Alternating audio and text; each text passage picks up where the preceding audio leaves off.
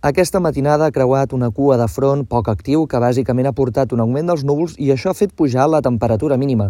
De fet, s'espera un dissabte que en conjunt vindrà marcat per aquest cel mig ennuvolat, això sí, amb més clarianes durant la tarda i sobretot a les comarques de Ponent i de les Terres de l'Ebre.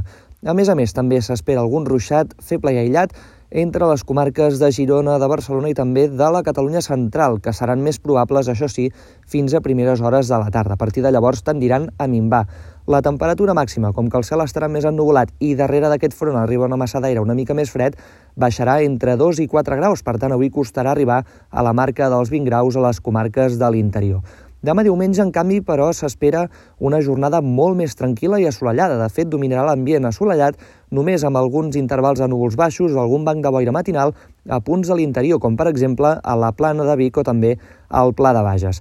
La temperatura mínima baixarà, però en canvi la màxima pujarà i, de fet, sovintejaran els valors d'entre 17 i 22 graus a la majoria de comarques.